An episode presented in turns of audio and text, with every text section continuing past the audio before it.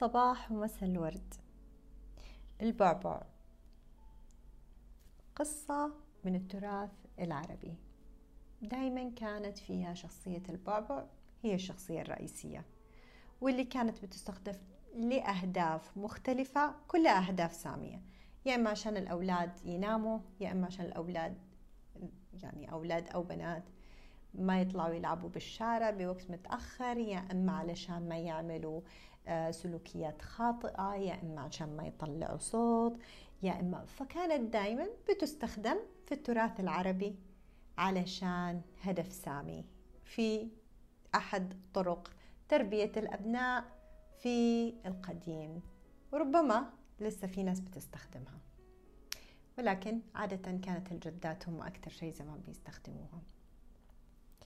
ويا ريت البعبع فضل على القصة اللي موجودة في التراث حقنا.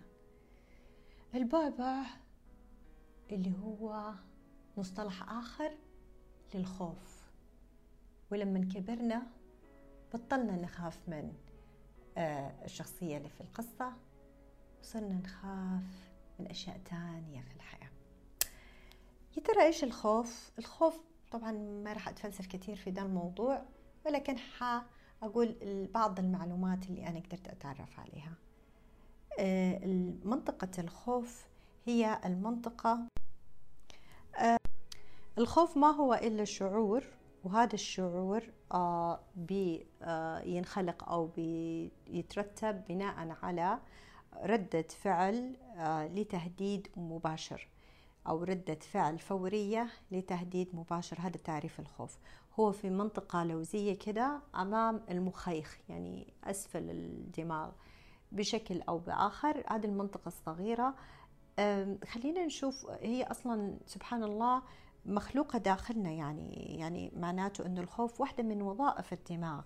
أوكي الحياة اللي إحنا بنعيشها هي حياة متقلبة ومتغيرة. هذه طبيعة الحياة أن دائما في تغيير في كل شيء. ابتداء من الطبيعة والأجواء وانتهاء بالاقتصاد والسياسة. كل حاجة فيها تغيرات.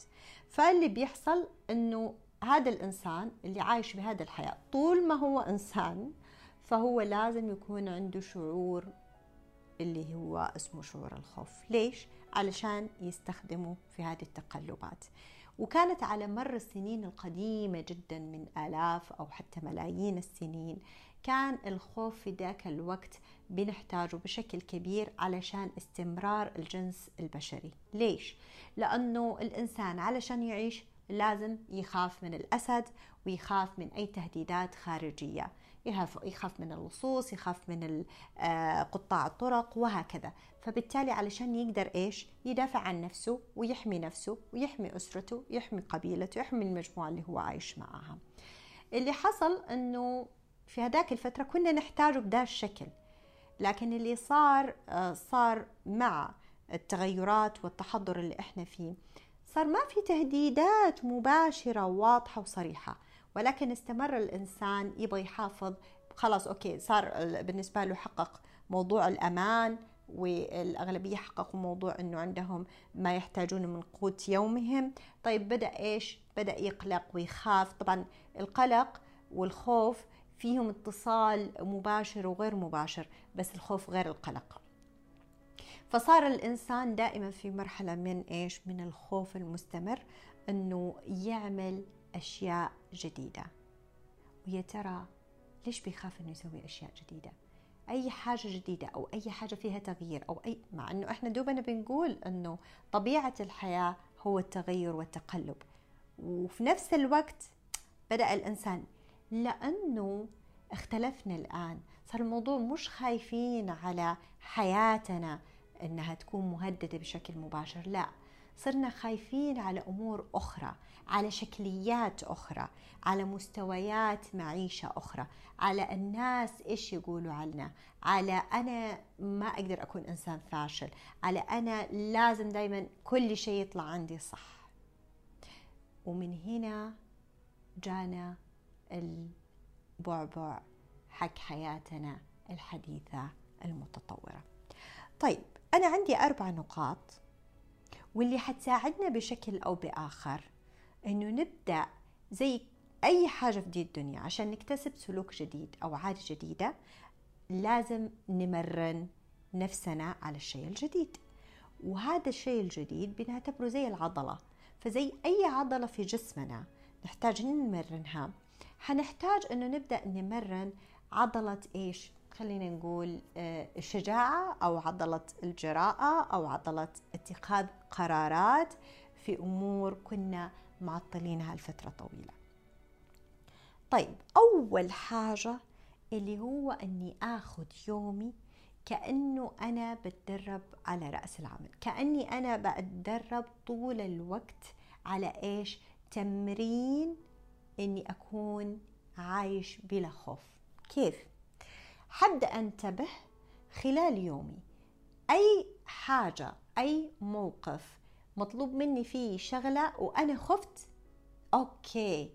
دايما كنت ممكن أتهرب من العمل ده بشكل أو بآخر في طرق عديدة للتهرب من القيام بالأعمال اللي بتخوفنا. ولكن هالمرة اللي حسويه حقول yes وصلتني فرصة جديدة إني أتدرب على إني أبدأ أعيش بلا خوف. طيب فلنفترض زي إيش؟ أو والله قالوا لي إنه بكرة أنت عندك quiz أو بعد بكرة إيش تحب تاخذ؟ أو ممكن نأجل الأسبوع الجاي. فأنا كل ما حأقدر أو خليني أجيب sick leave ولا أجيب شهادة مرضية ولا أجيب إني أبدل ولا أغير. أو أنا والله مقدم إنه حابب إني أعمل اختبار للسواقة. بس خليني اخره قدر الإمكان. ليش؟ لأنه خايف خايف على طول خايف من النتيجة. فبالتالي هنا إيش لازم أسوي؟ آخذ أمسك أنا زمام الأمور وأقول okay هذه فرصة للتدريب. والله جاني مديري في الدوام قال أنا حابب إذا يناسبك تعملين بروبوزل على الشغلة الفلانية. لا لا لا لا أنا ما أحب أتكلم قدام الناس. فبدل ما أرفض وأعطي المسؤولية لأحد غيري أقول يس جاتني فرصة الين حدي عشان أتدرب على حاجة جديدة تمنعني من إني أخاف. إذا ناخذ اليوم كأنه تدريب عملي. في كل موقف كنت أنا أحس فيه إنه حأرفضه أو حهرب منه أو حأقطع النقاش ده أو ما حكمل ده الموضوع أو ما حصارح الناس بفكرتي ورأيي لا أنا أخذها فرصة للتدريب على أني أكون بلا خوف. الحاجة الثانية اللي إحنا النقطة الثانية إنه إحنا دائما على فكرة بنخاف زي ما قلت زمان كان الخوف علشان النتيجة اللي هي حتكون حتمية في فقدان الإنسان لحياته. برضو اليوم إحنا بنخاف من النتيجة ولكن النتيجة هنا مش فقدان الحياة. النتيجة هنا ممكن اللي هي كلام الناس وأحكامهم علي إيش رح يقولوا إيش رح يسووا إيش حي والنتيجة هنا ممكن تكون إحساسي أنا بالفشل إنه أنا إنسان فاشل أنا ما قدرت أكمل هذه العلاقة أنا ما قدرت أكمل هذه الدراسة أنا ما قدرت آخذ أغير من آه، دراسة الطب لدراسة الفنون أنا مو قادر إني أسيب خلاص الوظيفة وأبدأ أشتغل آه، عملي الحر أنا مو قادر إني أرتبط بهذا الشخص بدل هذا الشخص. كل هذه الأمور إحنا بنخاف من إيش؟ من النتائج حقتها. لأنه الناس حتقول إنه إحنا فاشلين أو إحنا أمام نفسنا حنقول إنه إحنا فشلنا. فشلنا في إكمال علاقة فشلنا في إكمال مشروع فشلنا في أي شيء. والإنسان ما يحب كلمة فشل فبالتالي بنخاف من إيش؟ من الفشل. ليش؟ لأنه الإنسان الفاشل إيش يبغى يصير فيه؟ اللي بيتهيأ لنا إحنا كبشر إنه الإنسان فاشل ما حد يحبه. بالتالي إيش حيصير فيه؟ حيعيش وحيد يعني حيعيش بلا قيمة يعني هو ما يسوى شيء. فدائما خلينا نفك اللي هو ارتباط أعمالنا قراراتنا بالنتائج المباشرة.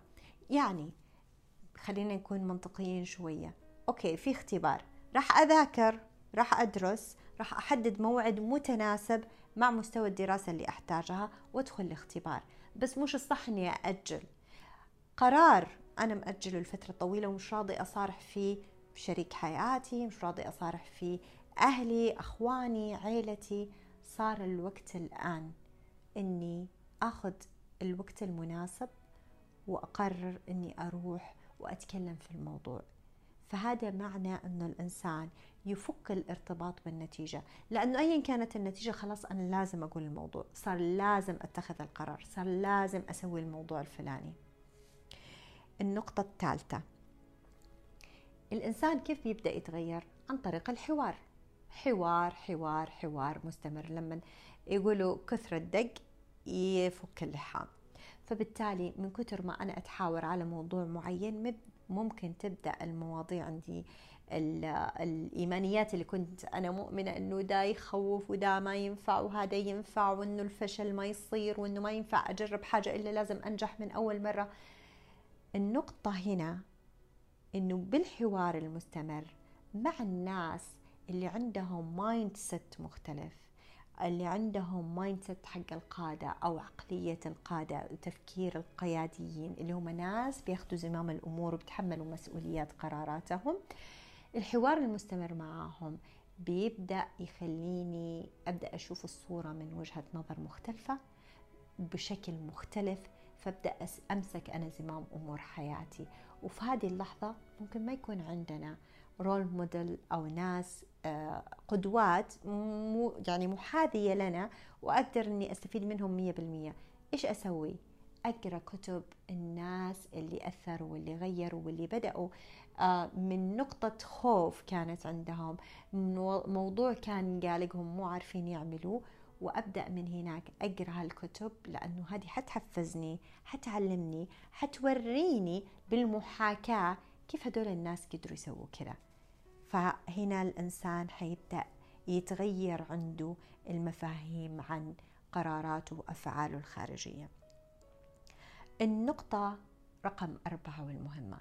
تذكر دائما انه كل شيء أنت فيه اليوم من مهارات من قرارات من سلوكيات من آه، تمارين وإكسرسايزز تعلمتها من عادات جديدة اكتسبتها كلها كانت في يوم من الأيام صعبة وتخوف وكان في لحظة خوف كبيرة أو صغيرة قبل ما تاخذ فيها قرار. من يوم ما بدأنا نمشي وإحنا أطفال وبعدين دخلنا المدرسة. أتوقع أن الإنسان لما يفتكر أول يوم له في الدراسة كيف كانت مشاعره مشاعر الخوف اللانهائية. كانت أعمق بكثير من أي إنسان ممكن يتصورها. والآن لو رجع مرة تانية وطالع حيقول يا الله أنا كنت خايف من إيش؟ فبالتالي تأكد أن كل حاجة كمان خايف منها اليوم لو بدأت فيها راح تكون سهلة بعدين. فبالتالي كل شيء بنخاف منه هو أصلا شيء ممكن يكون سهل جدا بعدين بالتمرين والمثابرة والاستمرارية. طيب آه يا ترى آه إيش ممكن إحنا نعمل؟ نعمل لستة بكل الأمور كل النقاط اللي عاملت لنا خوف ومو عارفين نسويها ومو عارفين نتخذ قرار فيها. وهي من جد من جد استك أو عالقة عندي أنا شخصيا كإنسان ومش عارف آخذ فيها قرار لأني خايف مش لأني مش عارف. عندي كل المعلومات جامع كل الديتيلز كل المعلومات اللي أنا أحتاجها علشان أعمل قرار. وكل اللي حواليا لسبب أو لآخر اللي معايا أو اللي مش معايا. المهم إنه أنا عندي كل التفاصيل اللي بتقول إنه هذا القرار صحيح. فلازم أكتب لستة بكل الأشياء اللي مخوفاني كل القرارات اللي أنا مأجلها بسبب الخوف كل الأمور اللي أنا ما بفكر فيها بسبب الخوف وأبدأ أمسكها واحدة واحدة. لأنه كل واحدة فيهم على فكرة ماخذة من طاقة اللاوعي يعني جزء كبير من الطاقة في اللاواعي رايح لهذاك الاتجاه. فبكون دائما أنا ما عندي النشاط والحيوية لإني أقوم بأمور جديدة أو إني أوصل لنتائج جديدة أو إنجازات جديدة. ليه؟ لأني مشغول في اللاوعي مشغولة. رايحة هناك على طول في الأشياء الكثير اللي أنا فاتحتها. وعلى فكرة ربما حاجات بسيطة. فكم إحنا من أمور مأجلينها في علاقاتنا مع أهلنا مع أخواننا مع عائلتنا مع أصدقائنا مع شريك حياتنا. ليش؟ لأنه خايف أني أقول خايف أني أتناقش خايف لما أكون جامع كل المعلومات الكافية اللي تعطيني الحقية أني أنا أتناقش في موضوع معين. أعتقد أنه بيجي الوقت أنه نتناقش فيه. لما يكون عندي كل المعلومات الكافية اللي بتقول أني لازم أغير وظيفتي هذه الوظيفة الفلانية أعتقد أنه جاء وقت التغيير. لما يكون عندي كل المعلومات الكافية اللي بتقول أني لازم أني أبدأ آه تمارين بشكل معين وأني أبدأ حياة آه مختلفة بشكل يتناسب وقيمي أتوقع أنه صار الوقت لهذا التغيير. أنه الإنسان يعيش كمثال. آه بسمنة مفرطة وأمراض مزمنة بهذه السمنة هذه حياة صعبة. وإنه يعيش حياة صحية بجسم متناسق وصحي جدا ولياقة عالية كمان هذه صعبة. بس أنت اللي تقدر تختار أي التحديين إنك آه تكون آه إنسان مجد ومحافظ على وظيفتك وبتطمح للأعلى والأفضل دائما. هذه صعبة أنه الإنسان يحافظ عليها في خضم التغييرات. وأنك تكون بلا وظيفة برضو صعب أنك تعيشها هذه الحياة. بس أنت تقدر تختار أي التحديين تعيش. أنك تحيا بشكل اجتماعي وتقول وتعبر عن كلماتك وأفكارك بكل شجاعة وأناقة وتوصل لقراراتك بنفسك. هذا الشيء صعب إنه الإنسان يسويه. وكمان إنك تعيش إمعة وبلا هدف وبلا قيمة. برضو هذه حياة صعبة بس أنت تقدر تختار أي التحديين. إنك تعيش حياة مليئة بالخوف ومليئة بالتوتر ومليئة بانتظار النتيجة الأسوأ. هذه حياة صعبة إنك تعيشها. وإنك تعيش حياة بلا خوف وتجرب التمارين اللي تكلمنا عنها. كمان هذه فيها تحدي صعب. بس أنت تقدر تختار أي تحدي أنت تبغى تعيش. ودمتم بود.